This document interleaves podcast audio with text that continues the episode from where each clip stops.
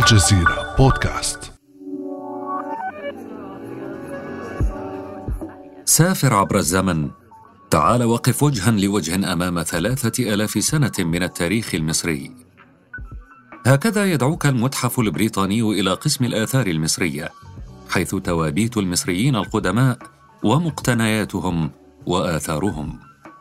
بجانب هذه الآثار يوجد حجر رمادي سميك. ونقشت عليه سطور بلغات قديمة غير واضحة أو مفهومة. لكنه القطعة الأهم في القسم وتجد أدناه اسمه مكتوبا عليه. حجر رشيد. منذ استولى عليه الإنجليز في مطلع القرن التاسع عشر نقلوه إلى المتحف البريطاني ولم يتحرك من مكانه إلا فيما ندر. لنحكي لكم قصة وصوله إلى هناك. نعود في الزمن 220 عاما إلى الوراء.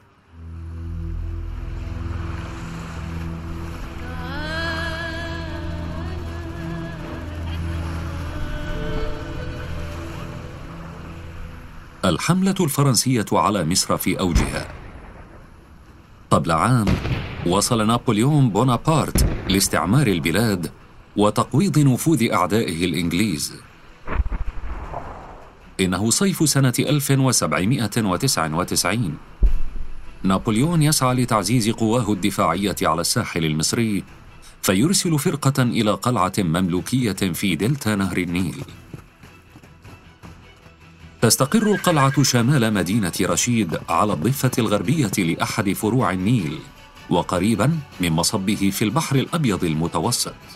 كان السلطان المملوكي قايت باي أنشأها قبل أكثر من 300 عام والآن يريد الفرنسيون ترميمها والتحصن فيها. خلال فترة قصيرة ستصبح معقلا لقواتهم.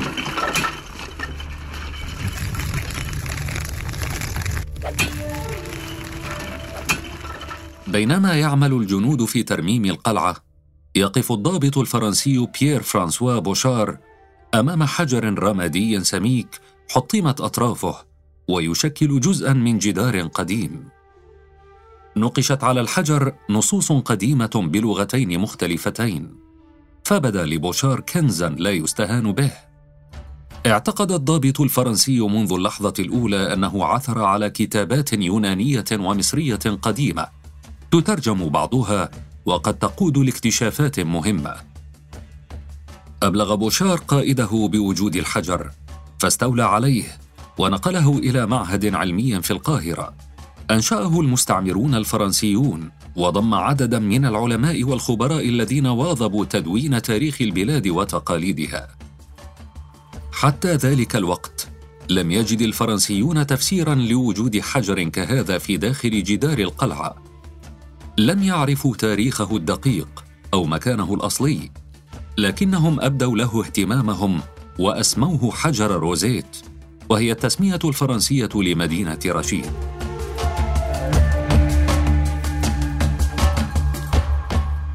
هزم الفرنسيون بعد ثلاث سنوات أمام الإنجليز وسلب منهم حجر رشيد كغنيمة حرب. وبعد ثلاثة عقود من الزمن صار مفتاحا لفك ألغاز الحضارة المصرية القديمة والغوص في أغوارها.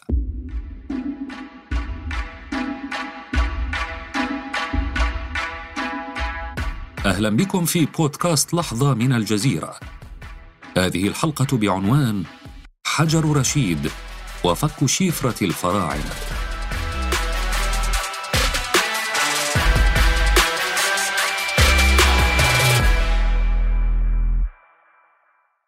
في ذلك النهار أواخر القرن الثامن عشر.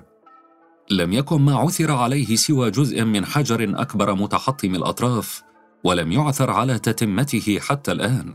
ما أعطاه هذا الاهتمام اكتشاف المستعمرين الأوروبيين له بعد سرقته وتعاقب الخبراء على دراسته منذ وضعه في المتحف البريطاني قبل أكثر من قرنين.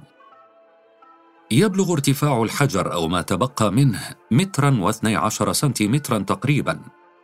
ينتمي إلى عهد سلالة البطالمة اليونانيين حاكمي مصر. وهم الذين فتحوا البلاد مع الإسكندر الأكبر قادمين من اليونان قبل الميلاد بثلاثة قرون. ثم تبنوا لقب فرعون ليضفوا الشرعية على حكمهم أمام السكان المصريين. نقش حجر رشيد كمرسوم في مدينة منف عام 169 قبل الميلاد. وحدد شكل العلاقة بين كهنة المعابد والشعب من جهة والملك الجديد بطليموس الخامس من جهة أخرى. يؤكد الكهنة في المرسوم على تقديسهم للملك واحتفائهم بعيدي ميلاده وتنصيبه. فيما يجدد هو دعمه المالي للمعابد وأجور الكهنة ويخفض الضرائب ويعفو عن السجناء. فهي بتحكي حكاية المفاوضات اللي كانت بتتم بين الكهنة المصريين وبين الملك اليوناني اللي هي الهات وخد بيننا وبينهم يعني. نستمع إلى هبة عبد الجواد المتخصصة في علم المصريات. كل ما الملك يديهم آه، حريات أكتر للكهنة أو يخليهم عندهم سيادة كاملة على المعابد أو اقتصاد المعبد كل ما هم كمان يدوله شرعية أن هو يكون الفرعون في مصر. فكان مركز حكم مصر وقتها منف ف كانت النسخة الأصلية بتتكتب في منف بس كان آخر المرسوم تحت بيكتب إن إن النص الأصلي ده يتعمل منه نسخ تكون في نسخة موجودة في كل معبد آه، مصري.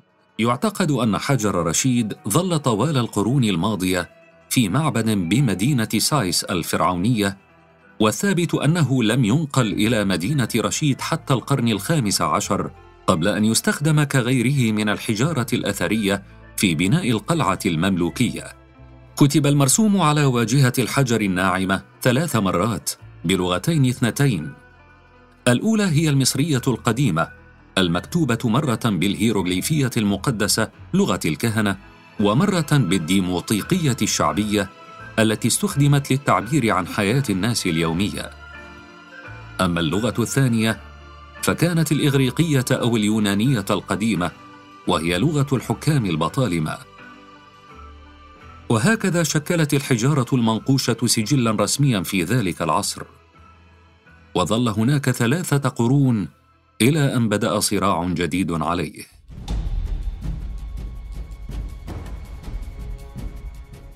في أواخر القرن الثامن عشر وبدايات القرن التاسع عشر كانت العلاقة بين بريطانيا وفرنسا في أسوأ أحوالها. حروب كثيرة خاضتها القوتان في تنافسهما على استعمار العالم.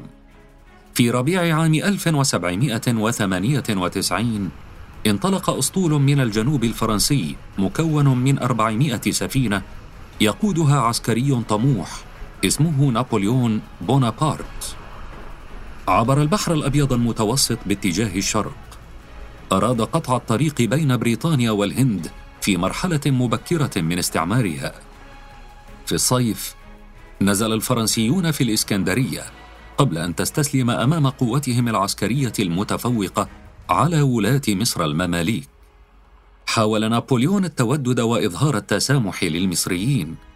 وظل غزوه يتقدم حتى وصل القاهرة فاحتلها وأقام فيها معهدا علميا ومطبعة ستصدر تصريحات سلطة الفرنسيين الجديدة.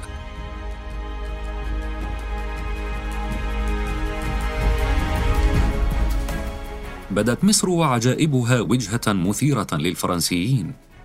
لذلك رافق أسطولهم 150 خبيرا في العلوم والزراعة والموسيقى سيدرسون البلاد ويدونون كل شيء عنها. قاموا بعمل هائل لأنهم درسوا هذا البلد كما لم يدرس أي بلد في العالم ولم يتركوا فيه أي حجارة غير مقلوبة. نستمع إلى روبير سوليه المؤلف الفرنسي المختص في تاريخ مصر. درسوا الأمراض درسوا العادات درسوا الوفيات درسوا أيضا الحيوانات والنباتات درسوا كل ما يمكن أن يدرس في هذا البلد. درسوا أيضا مصر القديمة وجميع الآثار التي كانت هناك ولم يكن يعرف عنها شيء.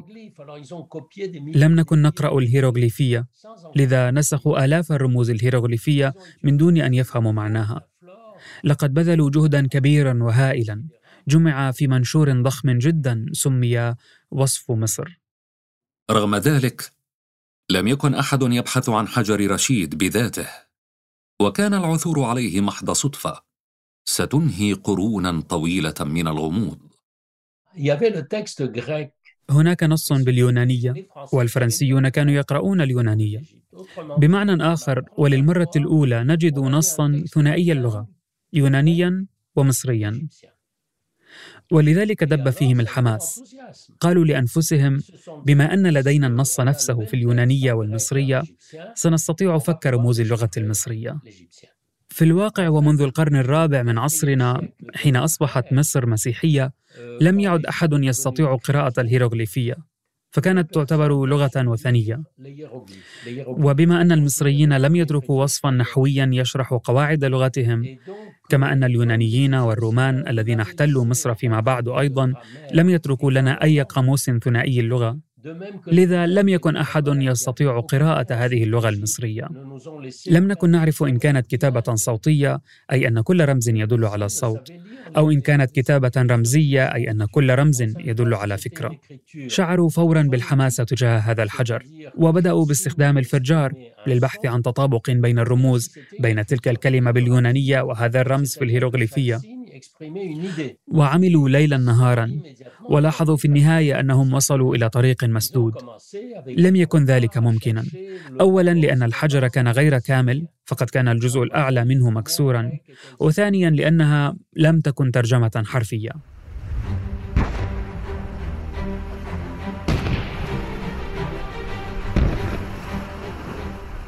بكل الأحوال لم تدم حماسة المستعمرين الفرنسيين طويلا ولم يسعفهم الوقت. لاكتشاف المزيد. خلال سنوات الحملة الفرنسية القصيرة هاجمهم الإنجليز في البحر والبر حتى هزموهم.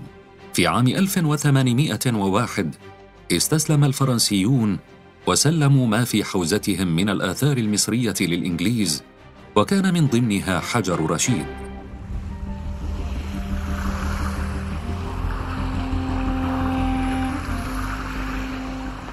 نقل الحجر على متن سفينة ليوضع في المتحف البريطاني ونقش عليه نقشان إضافيان يخلدان ذكرى نهبه وتقديمه هدية من الملك جورج الثالث. فهو حجر رشيد هو غنيمة حرب.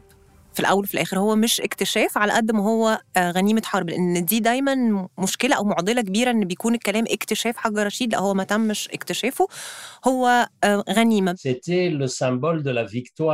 كان الحجر رمزا للانتصار في مصر ولكنهم فهموا أهميته. واصلا ومنذ وصول الحجر إلى لندن. اتخذ أهمية عالمية لأنهم أرسلوا نسخا وقوالب منه إلى جميع الجامعات الأوروبية كي يحاول العلماء فك رموزه الهيروغليفية.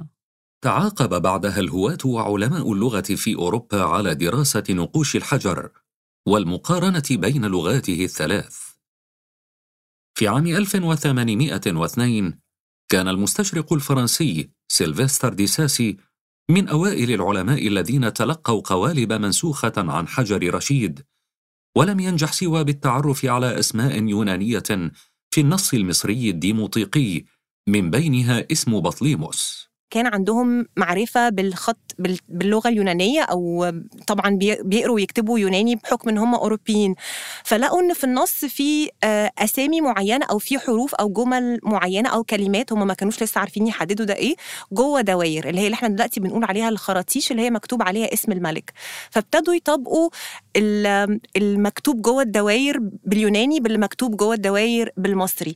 وحاولوا عن طريقها إن هم يطبقوا الحروف من هنا لهنا لغاية ما قدروا يوصلوا لأكبر عدد ممكن من الحروف كونوا الأبجدية وابتدوا إن هم يفكوا يعني شفرة ال ال الخط المصري الهيروغليفي القديم. بعد أن عجز دي ساسي عن فك الرموز الهيروغليفية ما دون الأسماء اليونانية. قال إن فهمها لن يحدث إلا باكتشافات عن طريق الصدفة والحظ. أما الجهد المبذول لتحليلها فلا طائل منه. بالتزامن مع ذلك عمل مستشرق ودبلوماسي سويدي اسمه ديفيد آكر بلاد على النص المصري الديموطيقي الأوسط كذلك وأثبت أن الأسماء كتبت برموز تمثل أصواتا. لذلك ظن أكر بلاد أن الرموز الديموطيقية جميعها أصوات والرموز الهيروغليفية جميعها تعبر عن أفكار. حتى ذلك الوقت كان ثابتا لدى العلماء أن الهيروغليفية كانت كتابة مقدسة. أما الديموطيقية فهي كتابة متصلة الحروف وتستخدم في الحياة اليومية. وقد ساد الاعتقاد باختلاف النصين عن بعضهما تماما. إلى أن بدأ الفيزيائي البريطاني توماس يونغ بدراسة حجر رشيد في عام 1814 هذه بلدة وورثينغ جنوب المملكة المتحدة. اعتاد المصطافون من الأثرياء قضاء عطلتهم هنا حيث البحر والهواء النقي. يونغ وصل إلى البلدة قبل قليل قادما من لندن بعد رحلة مرهقة استغرقت تسع ساعات. لا يقوده سوى ولعه بالنصوص الهيروغليفية. فقد جلب معه نسخة ورقية من نقش حجر رشيد ليخوض معها رحلة بحث جديدة.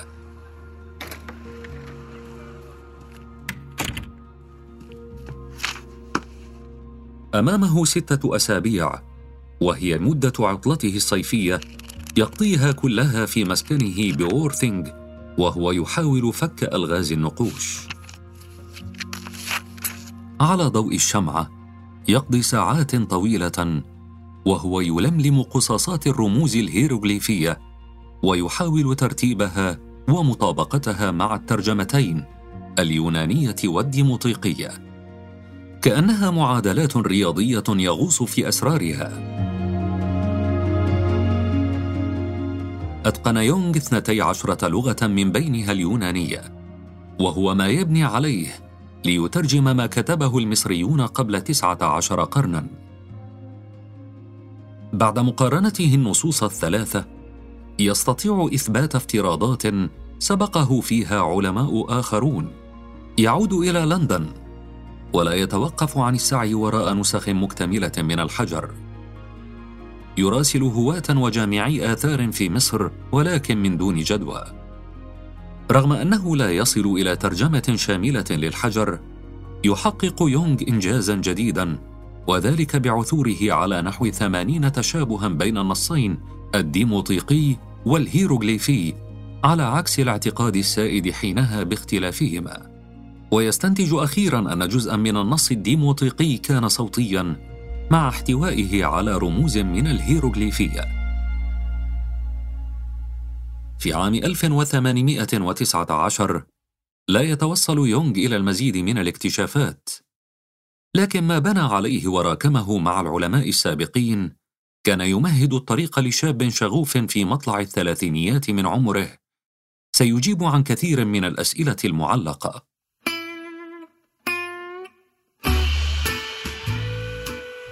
لم يكن هذا الشاب إنجليزيا هذه المرة.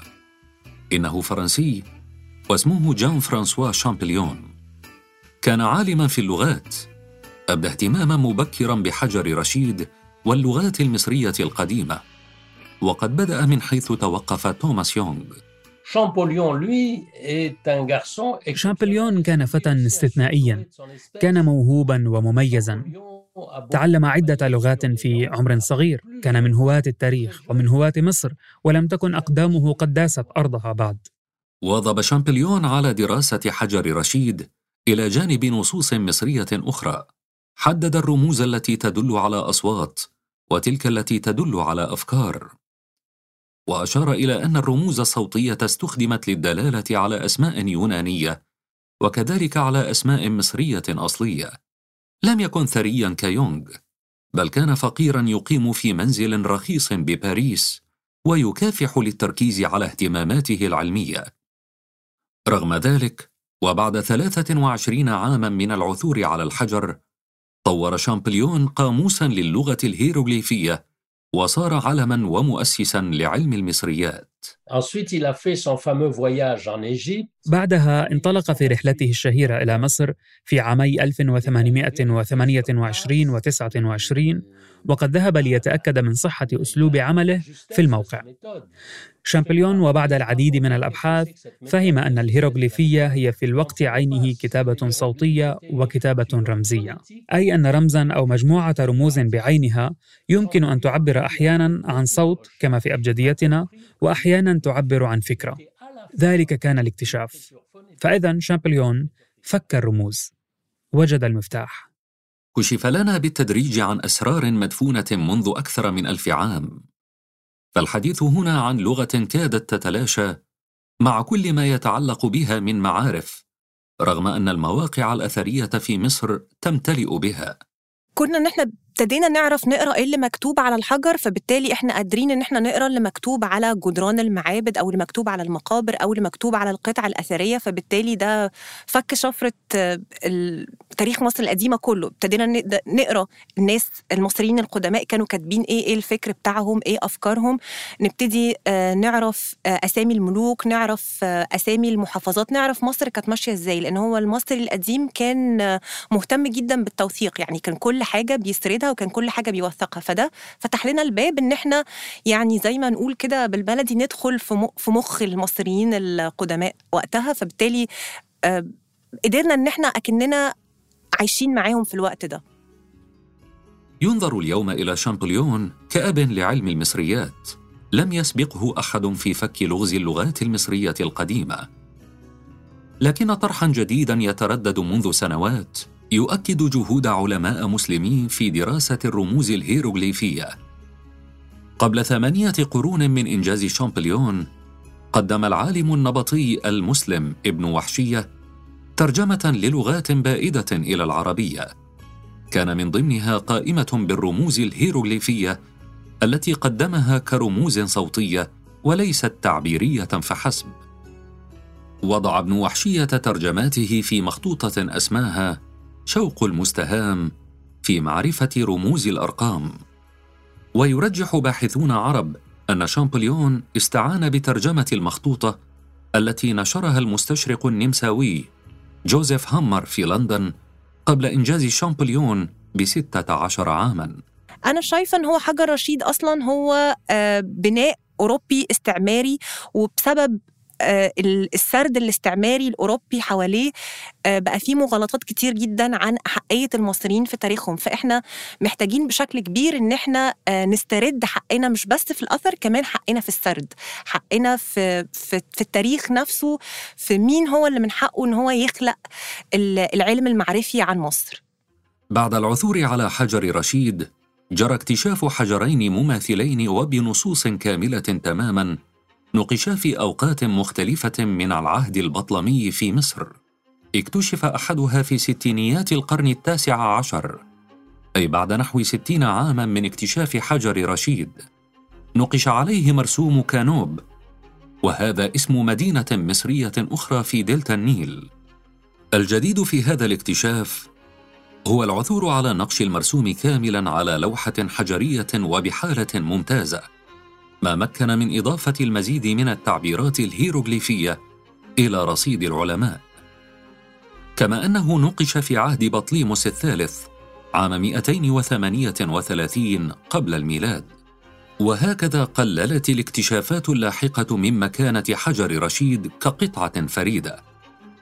رغم ذلك ينظر إلى استمرار عرضه في المتحف البريطاني لأكثر من 220 عاماً على أنه احتكار لقطعة نهبت في زمن الاستعمار.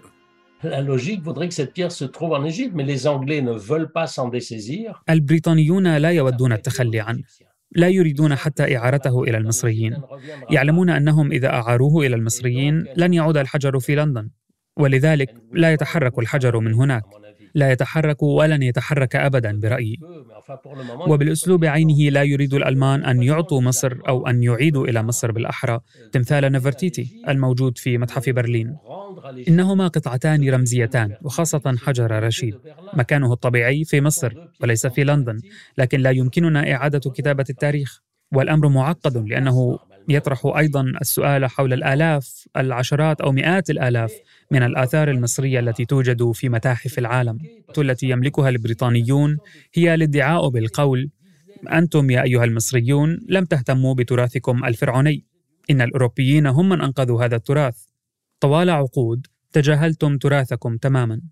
على الجانب الآخر يؤكد المتحف البريطاني لبودكاست لحظة في مراسلة إلكترونية أن مصر لم تقدم طلبا رسميا لاستعادة حجر رشيد.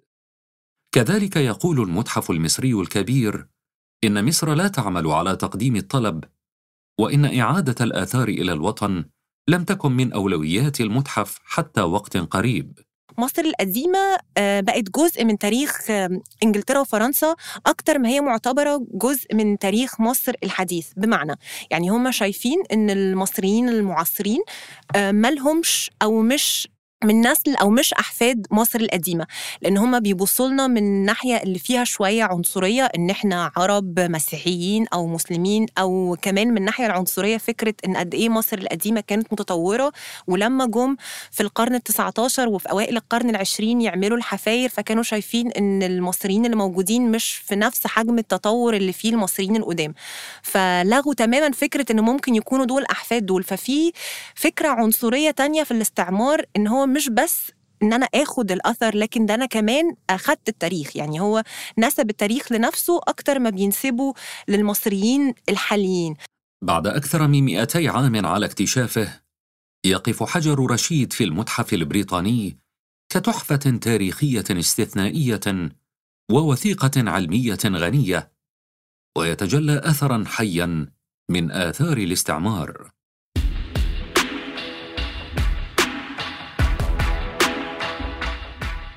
في الموسم المقبل من بودكاست لحظة سنروي لكم عن لحظات مفصلية أخرى من تاريخ منطقتنا والعالم. انتظرونا ولا تنسوا زيارة موقعنا على الإنترنت podcast.aljazeera.net ومشاركة هذه الحلقة وكل حلقات الموسم مع أصدقائكم. إلى اللقاء.